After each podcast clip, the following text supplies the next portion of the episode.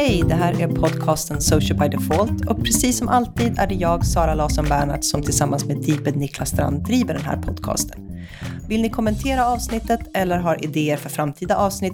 Twittra till oss med hashtaggen Social by Default eller prata med oss på vår Facebook-sida alternativt vårt Instagram-konto. Det här avsnittet handlar väldigt mycket om nya sätt att opinionsbilda med hjälp av sociala medier.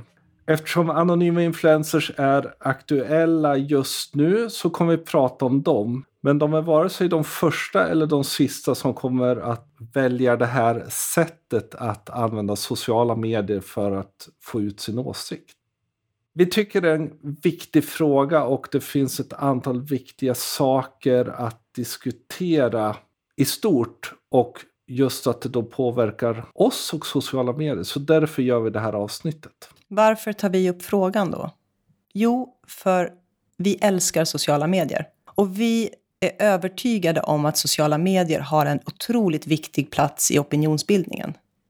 Samtidigt så ser vi strategiskt influencern som en viktig del av marknadsföringen och vi ser hur influencermarknadsföring har vuxit sig starkare och starkare genom åren. Och det finns oerhört mycket saker att diskutera runt detta. Men vi får inte heller glömma av att influencer är ett yrke och det är personer som har satsat hjärnet på att skapa innehåll och underhållning och blivit duktiga på det och på det sättet byggt sig starka följarskaror just i sociala kanaler. Och klimatfrågan är oerhört viktig.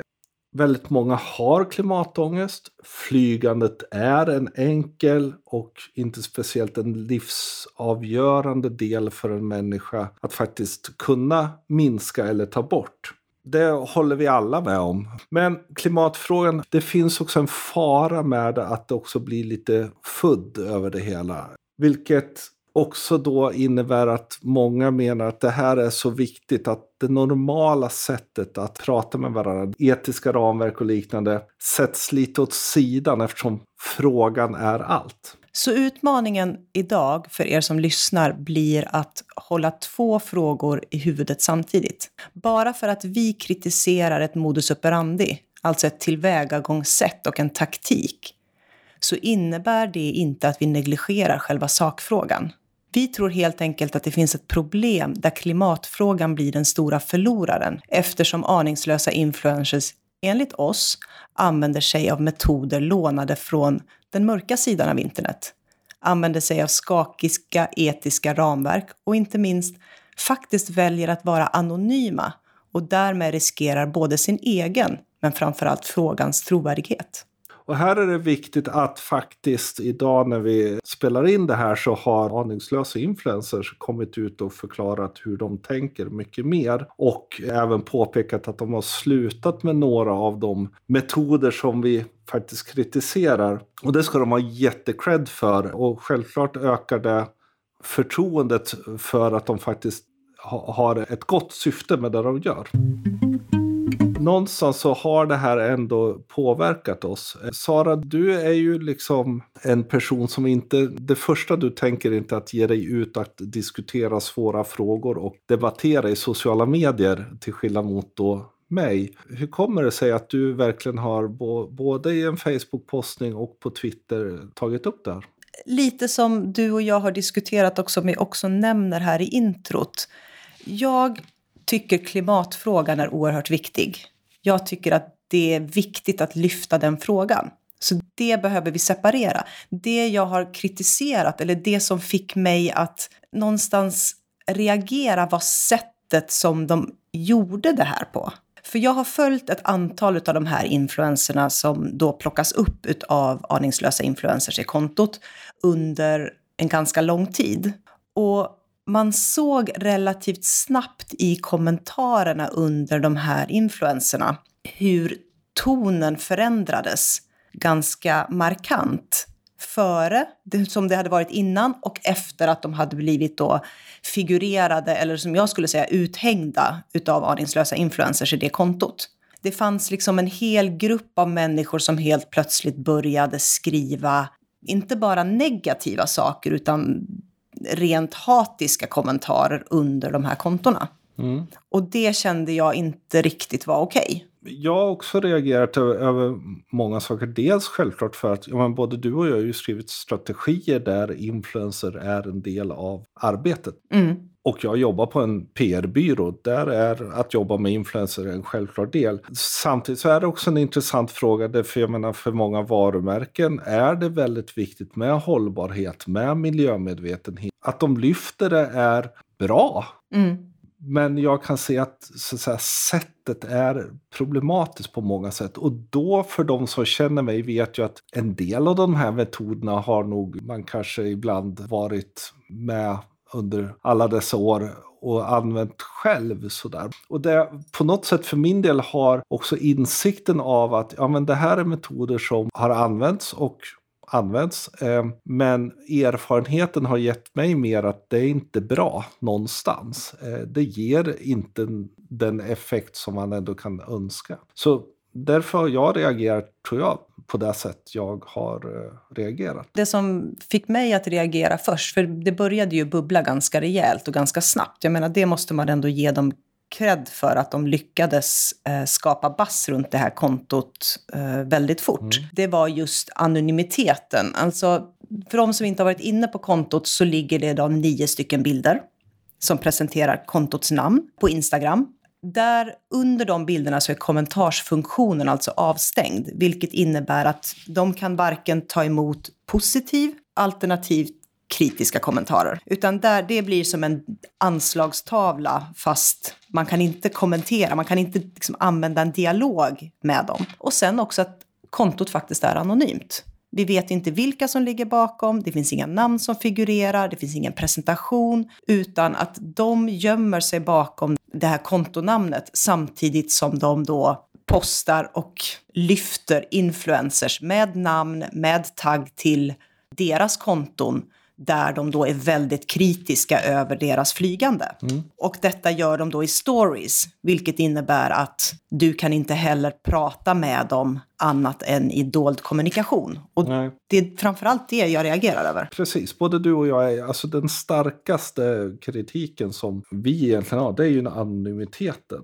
Eh, deras förklaring mm. med det är att de har försökt förut och inte kommit fram och blivit bemötta med hot och så. Det är ju förfärligt att känna sig, att man måste göra, bli anonym för att undvika eh, att bli hotad och hatad. Men samtidigt så, problemet är ju någonstans att deras metod är ju en granskningsmetod. Det är ju faktiskt i grunden en journalistisk metod. Mm.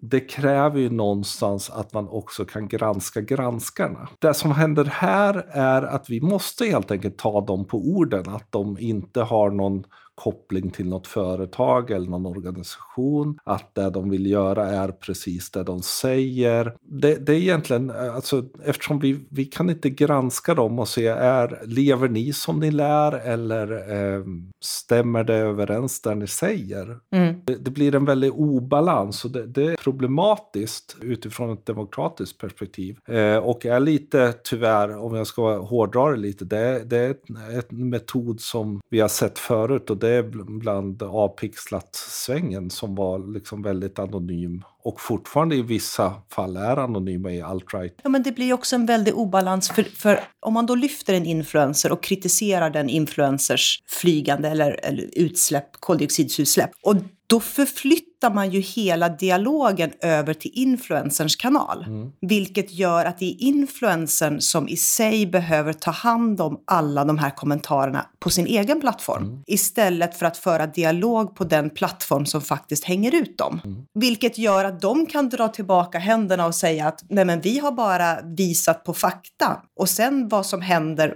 på den kanalen, det skiter vi i. Det har inte vi med att göra. Samtidigt så hade ju det aldrig skett hos influensen om den inte hade figurerat på aningslösa influencers Instagramkonto. Och det där tycker jag är en ganska feg metod.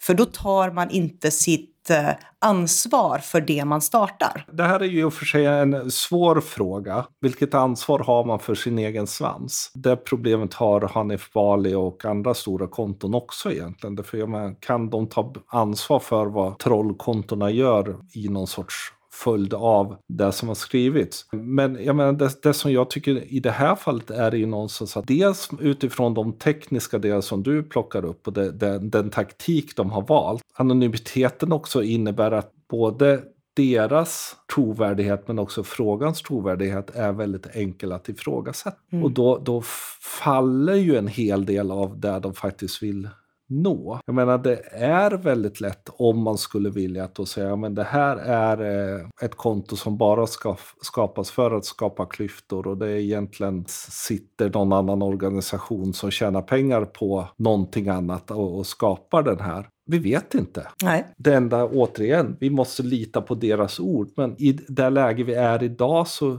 är det svårt att lita på andras ord, att man säger att någonting är. Det tycker jag är, är problematiskt och det tror jag man generellt om man väljer den här vägen, mm. så att säga, opinionsbilda, behöver fundera över vad är faktiskt konsekvensen för det positiva man vill skapa om man så hårt håller sin anonymitet. Jag menar, ta Greta Thunberg som exempel. Hon är ung, hon driver också klimatfrågan, hon vågar stå för det och hon har fått jättemycket press. Jag tror att när, när man tittar med facit i hand så är det Gretas opinionsbildning som kommer ha dragit det längsta strået ja. jämfört med det här. För det jag undrar lite grann över är vad tror de effekten av det här kommer bli? Tror de att influenserna kommer flyga mindre? Är det företagen som sponsrar och använder sig av influenserna som kommer dra tillbaks sina sponsringar eller sina samarbeten?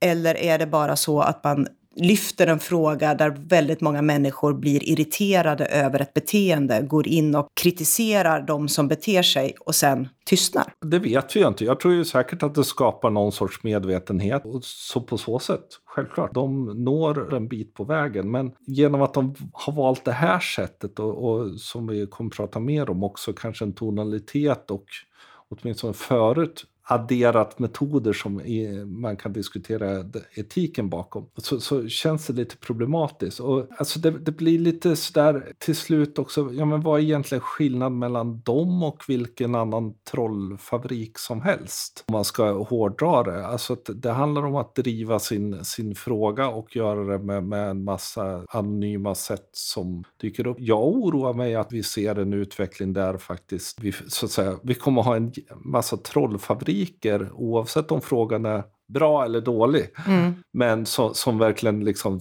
utifrån anonym skapar massa konton. Jag tycker till och med jag ser det i miljöfrågorna på Twitter faktiskt. Det dyker upp väldigt mycket märkliga konton som då ger sig på den som då inte har den rätta läran. Är det en trend vi, vi ser är positiv? Som de inte har startat men som genom deras synlighet och faktiskt accelererar väl? Det är ju en ganska intressant fråga, för någonstans så känns det som att för ett antal år sedan så pratade vi om total transparens. Mm. Och idag är vi i ett läge där vi pratar om att total anonymitet ska vara okej. Okay. Mm. Då har ju liksom pendeln gått åt fel håll någonstans. Mm. Framförallt i ett läge också där vi vet att det finns mycket lögner, trollfabriker som du säger, att det finns folk som driver en agenda för att driva en agenda oavsett vad det får för konsekvenser. Mm. Och jag kan tycka att det är oroväckande med den utvecklingen. Mm. Och jag tror ju inte att det blir bättre av att, att man arbetar på det här sättet. Och det oavsett vilken fråga man man lyfter. För jag menar, klimatfrågan är en väldigt viktig fråga. Men använder man sig av samma metoder som väldigt många andra som driver andra agendor, då kommer man hamna i samma liksom samma slasktratt. Mm. Och det tror jag inte är bra. Om man drar det till sin ytterligare en annan tangent är ju något, vad skulle vi tycka om journalister som var anonyma? Det fanns inte längre något namn att liksom haka upp en artikel på utan att allt var anonymt i tidningen skulle vi tycka att det är en bra utveckling. Och därmed den pressetiska strukturen som ändå finns, att det finns faktiskt någon som ytterst är ansvarig. I det här fallet skulle, nu tror jag inte de gör det, de har en väldigt, alltså full cred att de verkligen berättar att ja, men vi har sett att vi kanske inte har gjort rätt hela vägen. Mm. Men skulle de gå över gränsen, vem är egentligen ansvarig? Om, om det faktiskt skulle leda till förtal, om det, det finns ingen att ställa till svars, utan de ställer liksom andra till svars för sitt handlande. Men mm. det går inte att ställa dem till svars på något sätt. Nej, och, och det här är lite intressant. För jag menar, i sin förklaring då, vilka de tittar på, så tittar de på influencers som har 20 000 följare och fler. Mm. Det är, liksom, det är deras gräns. Men idag har aningslösa influencers över 55 000 följare på sitt eget konto. Mm. Vilket gör att de också har en påverkansgrad, en ganska stark påverkansgrad. Mm. Det dubbla mot vissa av dem de granskar. Och då är frågan, varför ska de inte då behöva stå för sina beteenden? Mm. Men där kan jag också, det som kommer fram idag och där de har påpekat att de har slutat med ett antal sätt eftersom de kanske inte tyckte de var helt rätt. Och det är ju ett ansvar just ändå när de ser att de har blivit så pass stora. Full cred till det. Men, men det är ju också det att när man då själv blir stor, när man själv faktiskt får all den här makten, hur, hur hanterar man den fullt ut? Jag menar, mm antalet problem och framförallt faran med att svansen kommer större och större och mer och mer aggressiv finns ju mm. där. Och hur gör man det?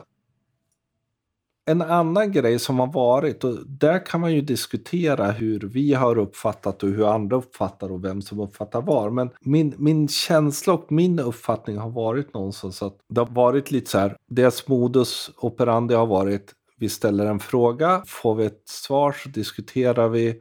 Får vi inget svar eller blockat så hänger vi ut dem eller berättar att vi blev blockade och ger beräkningen av hur många ton deras flygresa har kostat. Det där blir ju liksom så här damn if you do, damn if you don't. För svarar du då inte rätt eller på ett sätt som de tycker är okej, okay, så hamnar du ju där. Det har hänt flera som jag följer någonstans att ändå de har påpekat att ja, vi flyger, men vi har gjort det här och det här klimatkompenserat och så vidare. Men det har inte varit okej, okay, mm. utan då har man ändå fått en smäll av, i det här fallet, aningslösa influencers. Och det blir ju till slut inte sådär, inget bra diskussionsklimat om man inte kan säga vad man faktiskt tycker utan man måste säga och göra det som är rätt enligt dem. Och det blir ju inget diskussionsklimat för att du kan inte diskutera. Mm. Det, är ju, det är ju någonstans där, där jag hänger upp mig på ganska mycket. Det finns ingen, jag menar sociala medier, vi pratar ganska mycket om det, sociala medier är sociala för att det handlar om en tvåvägskommunikation. Men om den ena parten gömmer sig bakom anonymitet och dessutom stänger av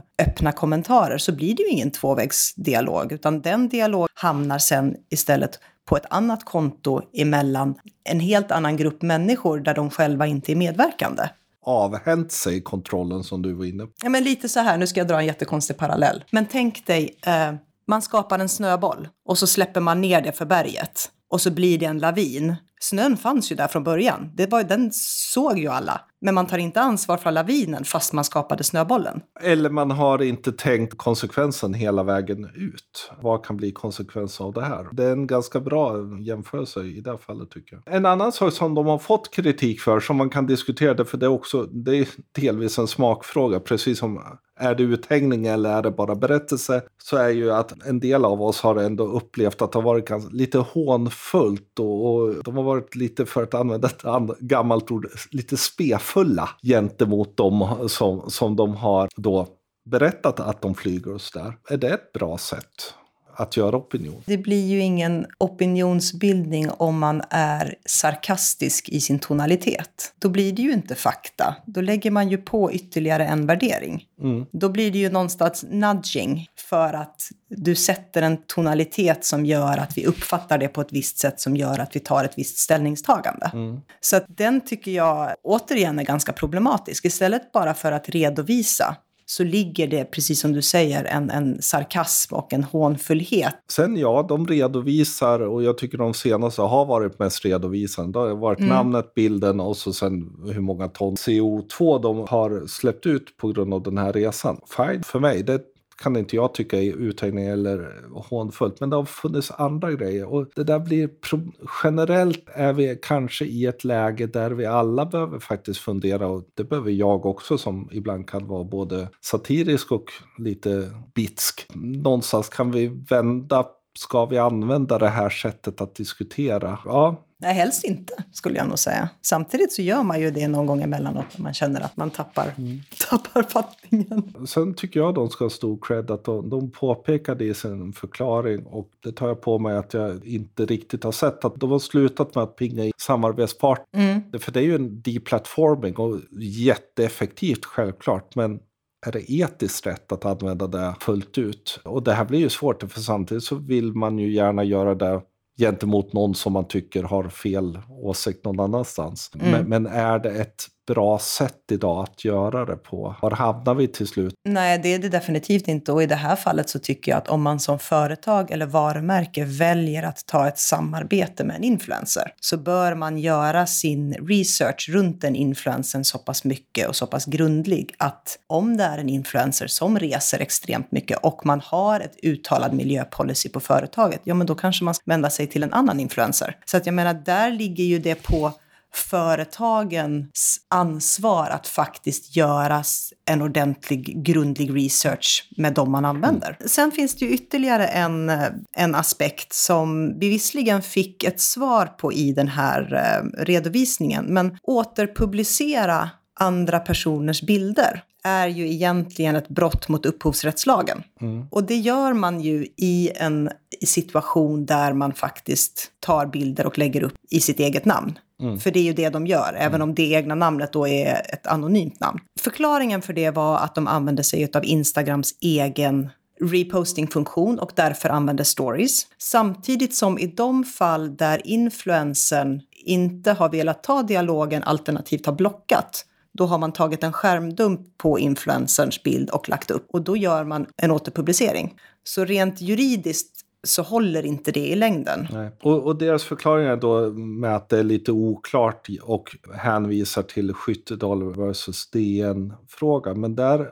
kommer vi åter till anonymitetsfrågan. Därför DN har en ansvarig utgivare som är mm. väl synlig och tar allt ansvar i varje rättegångsdel. Och framförallt DN är, har ett utgivningsbevis. I det här fallet blir det ju väldigt fortfarande problematiskt i om man ska göra det här. Eh, och det är väl mer sådär, de får göra det om de vill. Jag, jag har själv problem med de immateriallagar vi har. För jag kan tycka att det, de, de är väl köriga i ett digitalt läge. Då kan man liksom fundera, ja, vad tycker vi att de skulle göra då? Vad har du tänkt? Och det här är säkert varken lättare eller svårare. Att skapa, för jag menar det vi ser är att de har koll på PR. De har lyckats få väldigt mycket publicitet. De har blivit figurerade i media. Varför inte försöka driva opinionen från början på rätt sätt? Frågan i sig är jätteviktig. Frågan i sig engagerar väldigt mycket människor. Men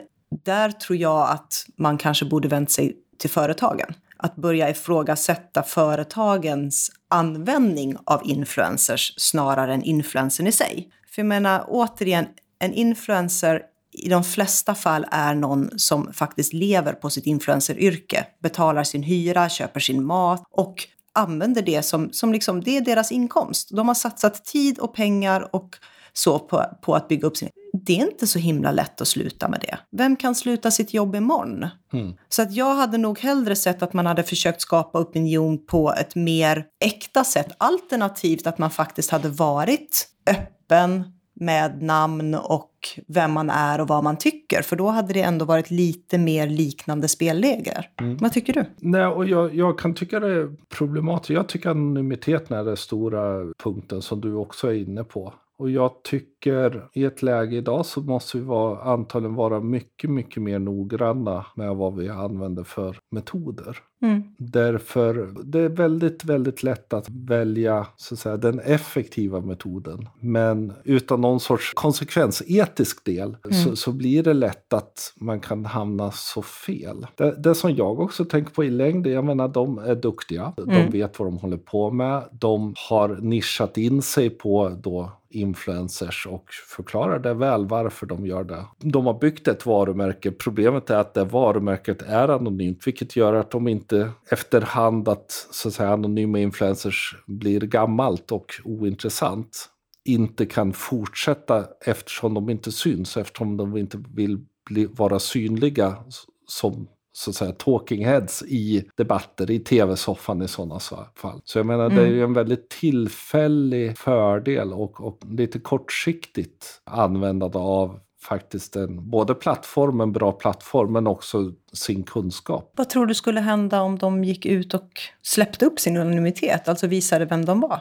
Och satte sig i morgonsoffan eller i tv eller blev intervjuade i radio och sådär? Eh, jag hoppas att det skulle vara positivt eftersom frågan är viktig. Mm. Det är viktigt att diskutera influencers och faktiskt säga till influencers att ni har ett jävla ansvar. Tänk vad ni gör. Men jag tror att det är för sent i det här fallet. Alltså att om de nu plötsligt kommer, kommer ut så blir ju frågan, men varför har ni varit anonyma hela tiden den här den här tiden. Så någonstans har de har lite målat in sig i ett hörn i det här eh, också. Därför, jag menar, om då Kalle Svensson och Ida Johansson visar sig vara bakom det här kontot, då kan man, okej, okay, men varför har ni var, var, valt att vara anonym och bygga varumärket där? Ni har inget att komma med själva. Jag, jag, jag tror, där bör man ibland också fundera på om man väljer anonymitetsvägen, men sen då? Hur tar vi det vidare? Hur använder vi faktiskt det här i nästa steg där det hela tiden handlar om trovärdighet, handlar om kunskap. Självklart kommer de, om de kommer ut, bli otroligt granskade. Ja, så är det Eftersom ju. de har valt den här vägen. Mm. Så, så jag menar, det, och framförallt om det då är så att det finns något som inte stämmer så kommer ju